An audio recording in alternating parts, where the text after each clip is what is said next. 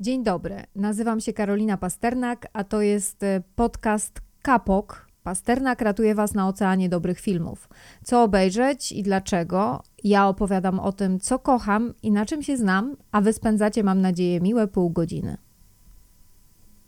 Pierwszy odcinek e, nie mógł być e, poświęcony nikomu innemu, bo gdy ktoś mnie pyta o twórcę lub twórczynię, których e, najbardziej cenię, którzy mnie najbardziej inspirują, którzy mają dla mnie największe znaczenie, zawsze przychodzi mi do głowy mm, ta postać, Michel Haneke.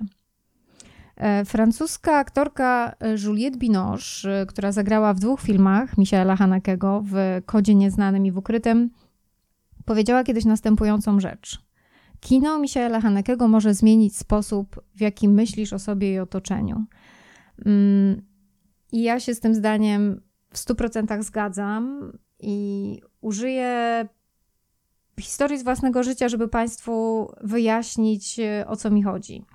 E, studiowałam dziennikarstwo wiele, wiele lat temu e, i jednocześnie bardzo interesowałam się kinem. I w, mojej, w moim odczuciu, w moim przekonaniu, e, te dwie dziedziny zawsze były bardzo blisko siebie, e, ale nie potrafiłam do końca e, dotknąć palcem tego, o co mi chodzi. To znaczy, oczywiście, jako dziennikarka mogłam pisać o filmach, więc niby wszystko się zgadzało. Interesuję się kinem, a także dziennikarstwem, więc mogę, e, mogę być recenzentką, mogę być krytyczką filmową, ale mnie chodziło tak naprawdę o coś więcej i zrozumiałam, o co mi chodziło, gdy zobaczyłam film Michaela Hanekego pod tytułem Ukryte. Mm, ten film wszedł na ekrany w 2005 roku i e, nie tylko pomógł mi e, jakoś usystematyzować sobie swoje miejsce e, w zawodzie, który miałam zamiar uprawiać, ale także zainspirował mnie do napisania pracy licencjackiej. Byłam w poważnym problemie, jako że te prace licencjackie na dziennikarstwie no, wiadomo, musiały być e, teoretyczne i mnie ta teoria mediów e, tak mało pociągała i bardzo mm, e, grawitowałam w stronę, w stronę kina i film Hanekego no trafił, trafiłam tym filmem w dziesiątkę, bo oto wyszłam z seansu i pomyślałam sobie, no tak, oczywiście. Ja chcę napisać o, o kinie zaangażowanym społecznie, chcę napisać o kinie zaangażowanym politycznie, jako o medium, chciałam pokazać e, i udało mi się to, obroniłam tę pracę licencjacką, że kino może równie silnie oddziaływać na odbiorcę, kino fabularne może równie silnie oddziaływać na odbiorcę, jak e, tradycyjne media, jak e, najlepsze reportaże Józefa Pulitzera albo Ryszarda Kapuścińskiego, że ma taką moc jak kino dokumentalne, mojego ukochanego dokumentalisty Wernera e, Herzoga, że kino, w tym przypadku kino Michaela Hanekego, który zajął bardzo dużo miejsca w mojej pracy, e, może zmienić sposób, w jaki myślisz o sobie i o otoczeniu, jak stwierdziła Juliette Binoche. Kino Michaela Hanekego nie prowadziło nigdy do klasycznego katarzis, e, nie dawało widzom upragnionej ulgi, bo jak sugeruje tytuł jednego z jego filmów, e, kod jest nieznany. To znaczy, żyjąc obok siebie, e, nie umiemy się porozumieć, nie umiemy znaleźć e, wspólnego języka. Mm, weźmy choćby Paryż, do którego w pracy Haneke wracał wielokrotnie. Paryż w filmach Hanekego jest kipiącą rasowymi podziałami metropolią, nie tylko na przedmieściach, a właściwie w ogóle te przedmieścia e, u Hanekego e, nie rezonują, ponieważ on ich, on ich po prostu nie zna. Haneke pokazuje serce wielkiego francuskiego miasta i pokazuje, że ono także kipi rasizmem, ono także kipi uprzedzeniami. Chociażby we wspomnianym Kodzie Nieznanym jest scena, e, gdy główna bohaterka, grana przez właśnie Juliette Binoche, jedzie metrem. Zaczepia ją arabski nastolatek. E, kobieta e, usiłuje ignorować nachalny flirt i wtedy chłopak sugeruje, że ona go dyskryminuje ze względu na kolor skóry. Mm, atakuje ją i scena jest, jest bardzo długa, jest bardzo bolesna. E, na twarzach pasażerów maluje się przerażenie, a jednak nikt nie reaguje. E, oczywiście temat rasowych napięć e, powraca w filmach Michaela Hanekego. Akcja jego ostatniego, jak na razie, filmu e, Happy Endu rozgrywa się w Calais i to już bardzo wiele mówi e, osobom, które e, śledzą kryzys uchodźczy w Europie, bo jak wiemy, Calais mm, to dokładnie ten punkt, z którego wypływają z Francji promy do Wielkiej Brytanii. Mm, to jest punkt, w którym zaczyna się kanał La Manche a także punkt łączący Anglię z Europą z pomocą mm, Eurotunelu. I teraz y, na czym polega oryginalność i moim zdaniem mm, no, pewien geniusz y, filmu Hanekego. Otóż, gdzie są w tym dziele imigranci ich problemy? W filmie Michaela Hanekego ulicami miasta Kale przemykają kratkiem grupy czarnoskórych mężczyzn. E, w rodzinie głównych bohaterów, e, bardzo zamożnej, dobrze sytuowanej rodzinie Laurent, e, gotuje Jamila, zakrywająca włosy chustą. Ogrodem zajmuje się Rashid, bo imigranci są w filmie Michaela Hanekego dokładnie tam, gdzie w życiach europejskiej klasy średniej i wyższej, e, a więc na marginesie, gdzieś na obrzeżach wygodnej codzienności. Mm, Haneke w swoim dziele, tym, ale także innych opowiada o ślepocie Europy na problem uchodźczy. Mm, I to właśnie przy okazji premiery tego filmu, przy okazji happy endu, co mnie bardzo cieszy, bo ten temat także mnie interesuje, e, miałam okazję rozmawiać e, z Michaelem Haneke. I on mi wtedy powiedział e, wiele interesujących rzeczy, ale jedna utkwiła mi w pamięci szczególnie. Mianowicie, ja go zapytałam,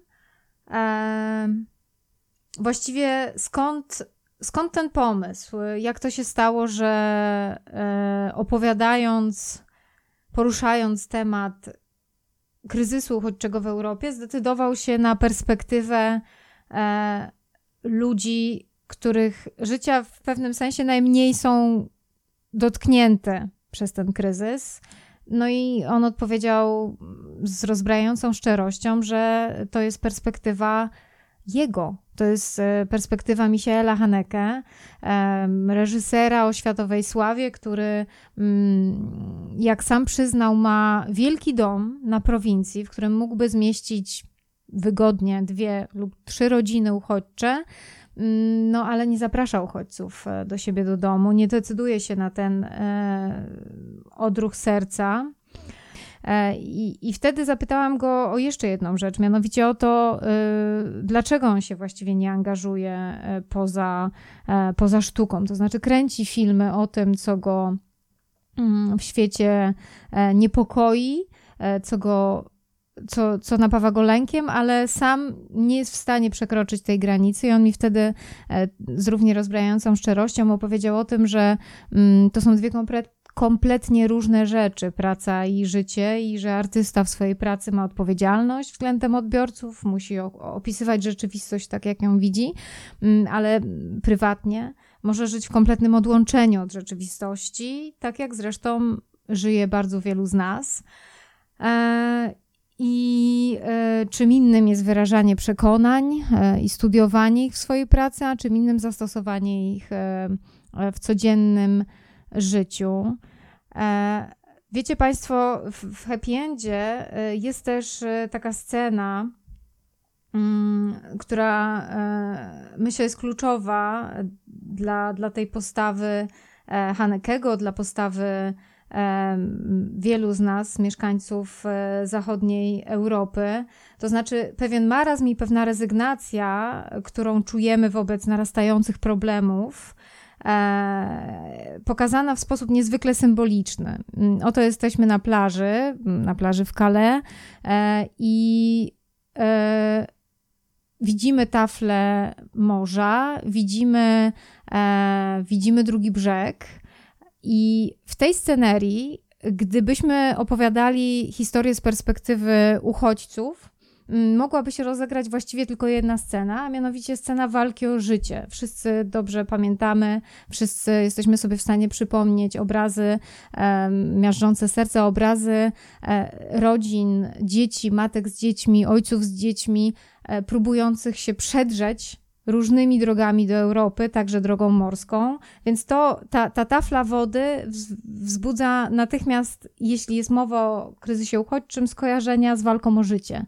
Tymczasem Haneke ro, robi oczywiście coś absolutnie przewrotnego i w tej scenerii umieszcza e, kompletnie inny kontekst. To znaczy, oto główny bohater, który jest reprezentantem e, klasy wyższej, który jest e, człowiekiem na skraju swojego życia, w tej scenerii e, chce sobie to życie odebrać. Mm, I to jest bardzo, e, bardzo symboliczne, mm, że oto e, to morze, które jest, jest perspektywą, jest otwarciem perspektywy dla tych, którzy próbują je, je pokonać.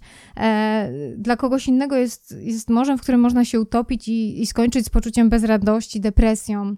E, z, z, z tym, na co mentalnie cierpi e, Europa, e, podczas gdy tysiące ludzi desperacko usiłują się do niej przedrzeć po lepsze życie. No i teraz dochodzimy do, do bardzo ważnego punktu, a mianowicie skąd u Hanekego ten, ten ogromny, przemożny pesymizm, który właściwie towarzyszy wszystkim jego filmom. Posłużę się tym wyjaśnieniem, które podczas naszego spotkania poddał mi e, sam reżyser. Mianowicie tłumaczył, że na początku XX wieku, gdy kino dopiero się rodziło, e, optymizm w opowiadaniu historii był e, równie popularny w Europie jak w Ameryce. Mm, no ale później przyszli naziści. E, I ci, którzy zdołali przed nimi uciec do Ameryki, e, z czystym sumieniem, jak twierdził, e, jak twierdził Michael Haneke, mogli w dalszym ciągu opowiadać w filmach, w cudzysłowie, historyjki, proste, radosne, optymistyczne. W większości państw Europy dotkniętych tragedią II wojny światowej, ten model opowiadania został mm, skompromitowany na zawsze. I teraz dziedzictwo, które niesie e, urodzony w końcu w czasie wojny w 1942 roku w Niemczech, a wychowany w Austrii Michael Haneke, mm, to oczywiście coś, bez czego nie da się interpretować e, jego kina. Mm, zresztą sam twórca e, sięgnął do tego dziedzictwa i próbował opisać to brzemię, które niesie w Białej Wstążce. E, filmie, który opowiadał o narodzinach nazizmu, ale także o protestanckim wychowaniu w początkach XX wieku, które w wielkim uproszczeniu, tłumacząc, e, podarowało Niemcom całe pokolenie przyszłych członków e, Hitlerjugend. E, bo przecież e, te dzieci, które widzimy w Białej Wstążce, e, one nie zetknęły się z antysemityzmem dopiero na wiecach, na których przemawiał Hitler. Mm, od małego uczono te dzieciaki podziałów klasowych, nietolerancji, nienawiści. Biała Wstążka była więc także filmem o manipulacji, jeżeli byśmy e, teraz zrobili fast forward e, z początku XX wieku do początku XXI wieku i przenieśli się e, z miejsca i czasu, w którym rozgrywała się Biała Wstążka, do miejsca i czasu, w którym rozgrywa się wspomniany na wstępie podcastu film Ukryte, no to zobaczylibyśmy tę analogię jak na dłoni, analogię dotyczącą manipulacji, z tym, że w początku XXI wieku źródłem manipulacji y, są media w rękach poszczególnych grup interesów. E, ukryte e, to jest film oparty na równie prostym, co genialnym pomyśle, polegającym na tym, by widz nie mógł odróżnić, czy oglądamy wideo nagrane przez jednego z bohaterów, czy fabułę Hanekego. Przytoczę Państwu treść filmu, Otóż e, paryskie małżeństwo dostaje co dzień tajemnicze kasety, e, z których wynika, że ktoś ich obserwuje. I amatorskie nagrania, które są im wysyłane, są zmontowane z filmem. Przez co nie wiemy, kiedy oglądamy wydarzenia z perspektywy szantażysty, potencjalnego szantażysty, a kiedy z perspektywy e, Michaela Haneke. E, no jest to klasyczna, klasyczna manipulacja. E, w ukrytym reżyser miesza widzom w głowach, by nam uświadomić wszechobecność tej manipulacji. To, że media nieustannie to robią, to znaczy bardzo często medialne obrazki rzeczywistości są tak dalekie, jak tylko jest to możliwe od tego, co jest naprawdę rzeczywiste. I gdybyśmy zrobili jeszcze jeden szybki e, fast, e, już nie forward, tylko fast rewind e, i przenieśli się e, w czasie kilka lat wstecz do dekady lat 90 mm, i do filmu Funny Games, który miał premierę na festiwalu w Cannes, to dotkniemy e, właściwie drugiego kluczowego problemu społecznego, o którym usiłował opowiadać Haneke w swoich filmach. To znaczy, z jednej strony mieliśmy manipulację prawdą, manipulację faktami, obrazami, mm, a z drugiej strony sygnalizowaną już wcześniej normalizację przemocy. I tak naprawdę o tym jest e, chyba najgłośniejszy, e, przynajmniej w takich szerokich kręgach, film e, Michaela Hanakego. Warto zaznaczyć, że przed premierą Funny Games reżyser właściwie był znany wyłącznie w krajach niemieckojęzycznych. O czym jest ten film? E, film jest o małżeństwie, które zamierza spędzić wolny tydzień w domku nad jeziorem, mm, ale plany krzyżuje im pojawienie się dwóch ubranych na biało, młodocianych intruzów. I teraz pierwszy odbiór filmu w Cannes. Kanańska publiczność e, podczas premierowego pokazu, czytałam o tym, tylko nie, nie byłam jeszcze wtedy dziennikarką, nie byłam nie na tym festiwalu, e, a więc publiczność wybuchła gromkimi brawami, e, gdy bohaterce Ann udało się wyrwać strzelbę napastnikom i strzelić do jednego z nich. I teraz niespodzianka. Zaraz potem, gdy drugi napastnik sięgnął po pilot od telewizora i przewinął akcję filmu tak, e, by to źli mogli być górą, w sali zapadła grobowa cisza. I z czego wynikało osłupienie? No, oczywiście z tego, że dotąd y, jedynie widz miał prawo decydować, jeśli miał VHS, odtwarzacz VHS i kasetę wideo, to mógł zdecydować, że chce przewinąć, przyspieszyć lub przewinąć film do przodu, do tyłu. E, tymczasem mm, Haneke e, robił to niejako na żywo w kinie, E, I na dodatek skonfrontował nas w ten sposób z naszymi spontanicznymi reakcjami, do których pewnie w innych warunkach e, niechętnie byśmy się przyznali. Uświadomiliśmy sobie przecież w tym momencie, że dosłownie mm, przed sekundą e, wiwatowaliśmy na widok bryzgającej po ścianach krwi i padającego na ziemię trupa. Film Funny Games dzisiaj oczywiście już wszyscy czytają jako manifest przeciwko instrumentalnemu wykorzystywaniu przemocy w hollywoodzkim kinie. Mm, ale wtedy, wtedy w latach 90. nie było to takie jasne. E, wielu widzów i wiele widzek ten film bulwersował. E, zarzucano twórcy, że kupczy przemocą, e, że buduje na niej dramaturgię, nawet gdy jej nie pokazuje, bo mm, jeśli Państwo widzieli ten film, to, to Państwo pamiętają, a jeśli nie, to za wiele nie zdradzę, bo jest on i tak pełen tak wielu, e, jest, jest zbudowany w tak ekscytujący sposób, że, e, że, że, że jakkolwiek by o nim nie opowiadać, to trzeba to po prostu zobaczyć. No w każdym razie e, stosuje Haneke taką taktykę, że gdy z pokoju, nazwijmy go tortur, dochodzą krzyki, odgłosy tego, co się tam dzieje, my jesteśmy z jednym z napastników w innym pomieszczeniu, w kuchni.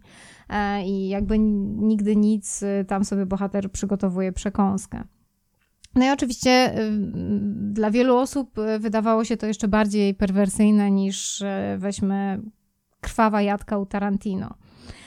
E, I teraz, teraz, teraz taka refleksja, myślę, że to jest dobry moment na tą refleksję, bo oto mamy, no właśnie, skandalistę, e, Michaela Hanekego, e, twórcę, który, e, o którym właściwie w pierwszej kolejności myśli się jako o E, bezkompromisowym, stosującym w swojej twórczości mm, przeróżne, niedozwolone chwyty e, dotychczas, wcześniej, zanim, zanim, on zaczął, e, zanim, zanim on zaczął kręcić swoje filmy. O artyście, który rozdrapuje rany, który opowiada o rzeczach niezwykle kontrowersyjnych, w sposób kontrowersyjny, no ale jakim on jest człowiekiem na żywo? Jakie robi pierwsze wrażenie przy spotkaniu? Na bodaj dwa lub trzy lata przed tym, jak miałam okazję przeprowadzać z nim wywiad, e, widziałam go na bankiecie, mm, bankiecie filmu innego austriackiego filmowca Olisia Zajdla. E, Pojawił się tam, oczywiście ku ekscytacji, zaskoczeniu e, obecnych, przynajmniej no, takich sobie jak ja, e, może nie początkujących, no ale w każdym razie jeszcze niezbyt obytych dziennikarzy.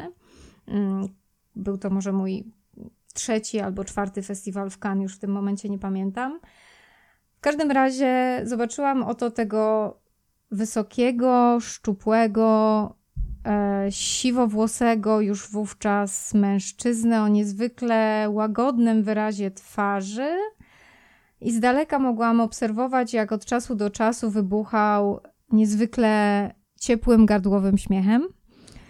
I muszę Państwu powiedzieć, że no wielokrotnie to oczywiście następowało e, później e, to zderzenie wizerunku e, twórcy z, z, z twórcą na żywo, czyli no, czyli po prostu fajny, miły, ciepły gość i zresztą to wrażenie potwierdziło się, gdy spotkaliśmy się tych kilka lat później już e, podczas naszej rozmowy.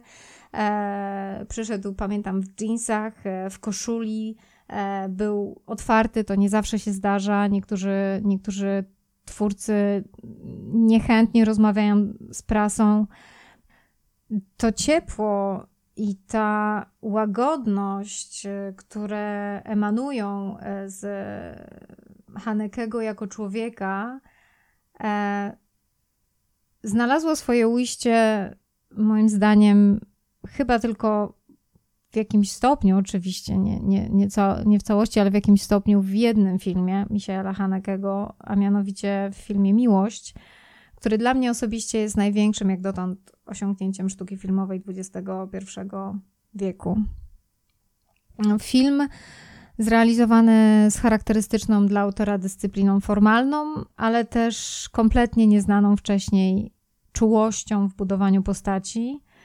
E, nie ma przez e, ten film drogi na skróty, jest e, tylko jedna, ta, którą idzie główny bohater miłości, Georges, w tej roli Jean-Louis Trintignant, więc jest jedna droga, którą idzie Georges, odprowadzając sparaliżowaną żonę Anne.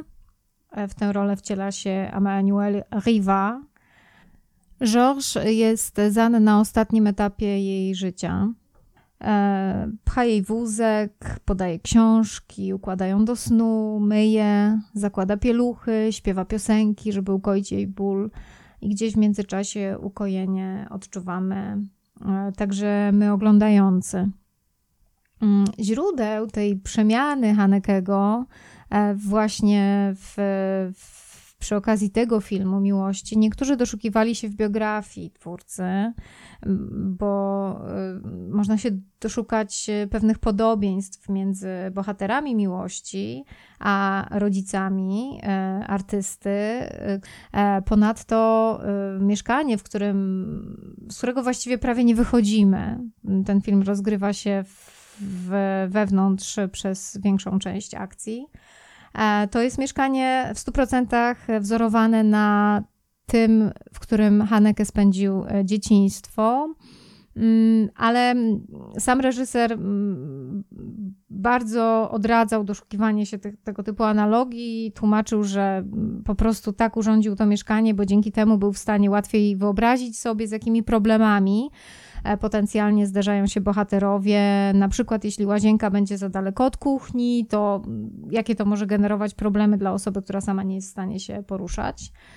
I mówiąc szczerze, im dłużej e, myślę o tym filmie, mm, o tym filmie, który zostawiłam na koniec, e, właśnie dlatego, że jest moim ulubionym i właściwie gdybym miała wybrać jeden film z całego dorobku Michaela Hanekego, któremu poświęcam pierwszy odcinek mojego podcastu, to pewnie wybrałabym właśnie film Miłość, żebyście ten film Państwo obejrzeli w pierwszej kolejności, jeśli nie widzieliście jeszcze żadnych innych.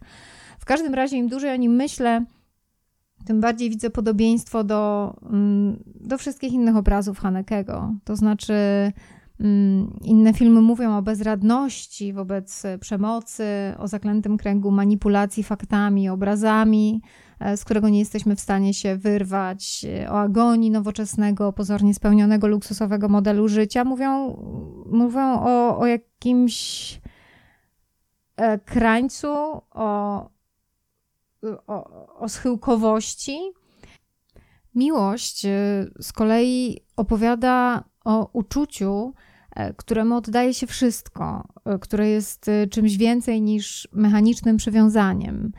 E, I choć kamera nie wychodzi w tym filmie poza mieszkanie bohaterów, poza mieszkanie Anne i Georgesa, to, to inne, nowe życie, które toczy się gdzieś na zewnątrz, jednak wkrada się do środka poprzez postać ich córki Eve. E, I jest to, jest to kompletnie inne, nowe, niezrozumiałe dla bohaterów, staruszków życie. Ja oglądając ten film ciągle zadawałam sobie pytanie właśnie o schyłkowość, e, o to, czy z pokoleniem rodziców nie odchodzi, aby bezpowrotnie ich świat, e, sposób życia, system wartości.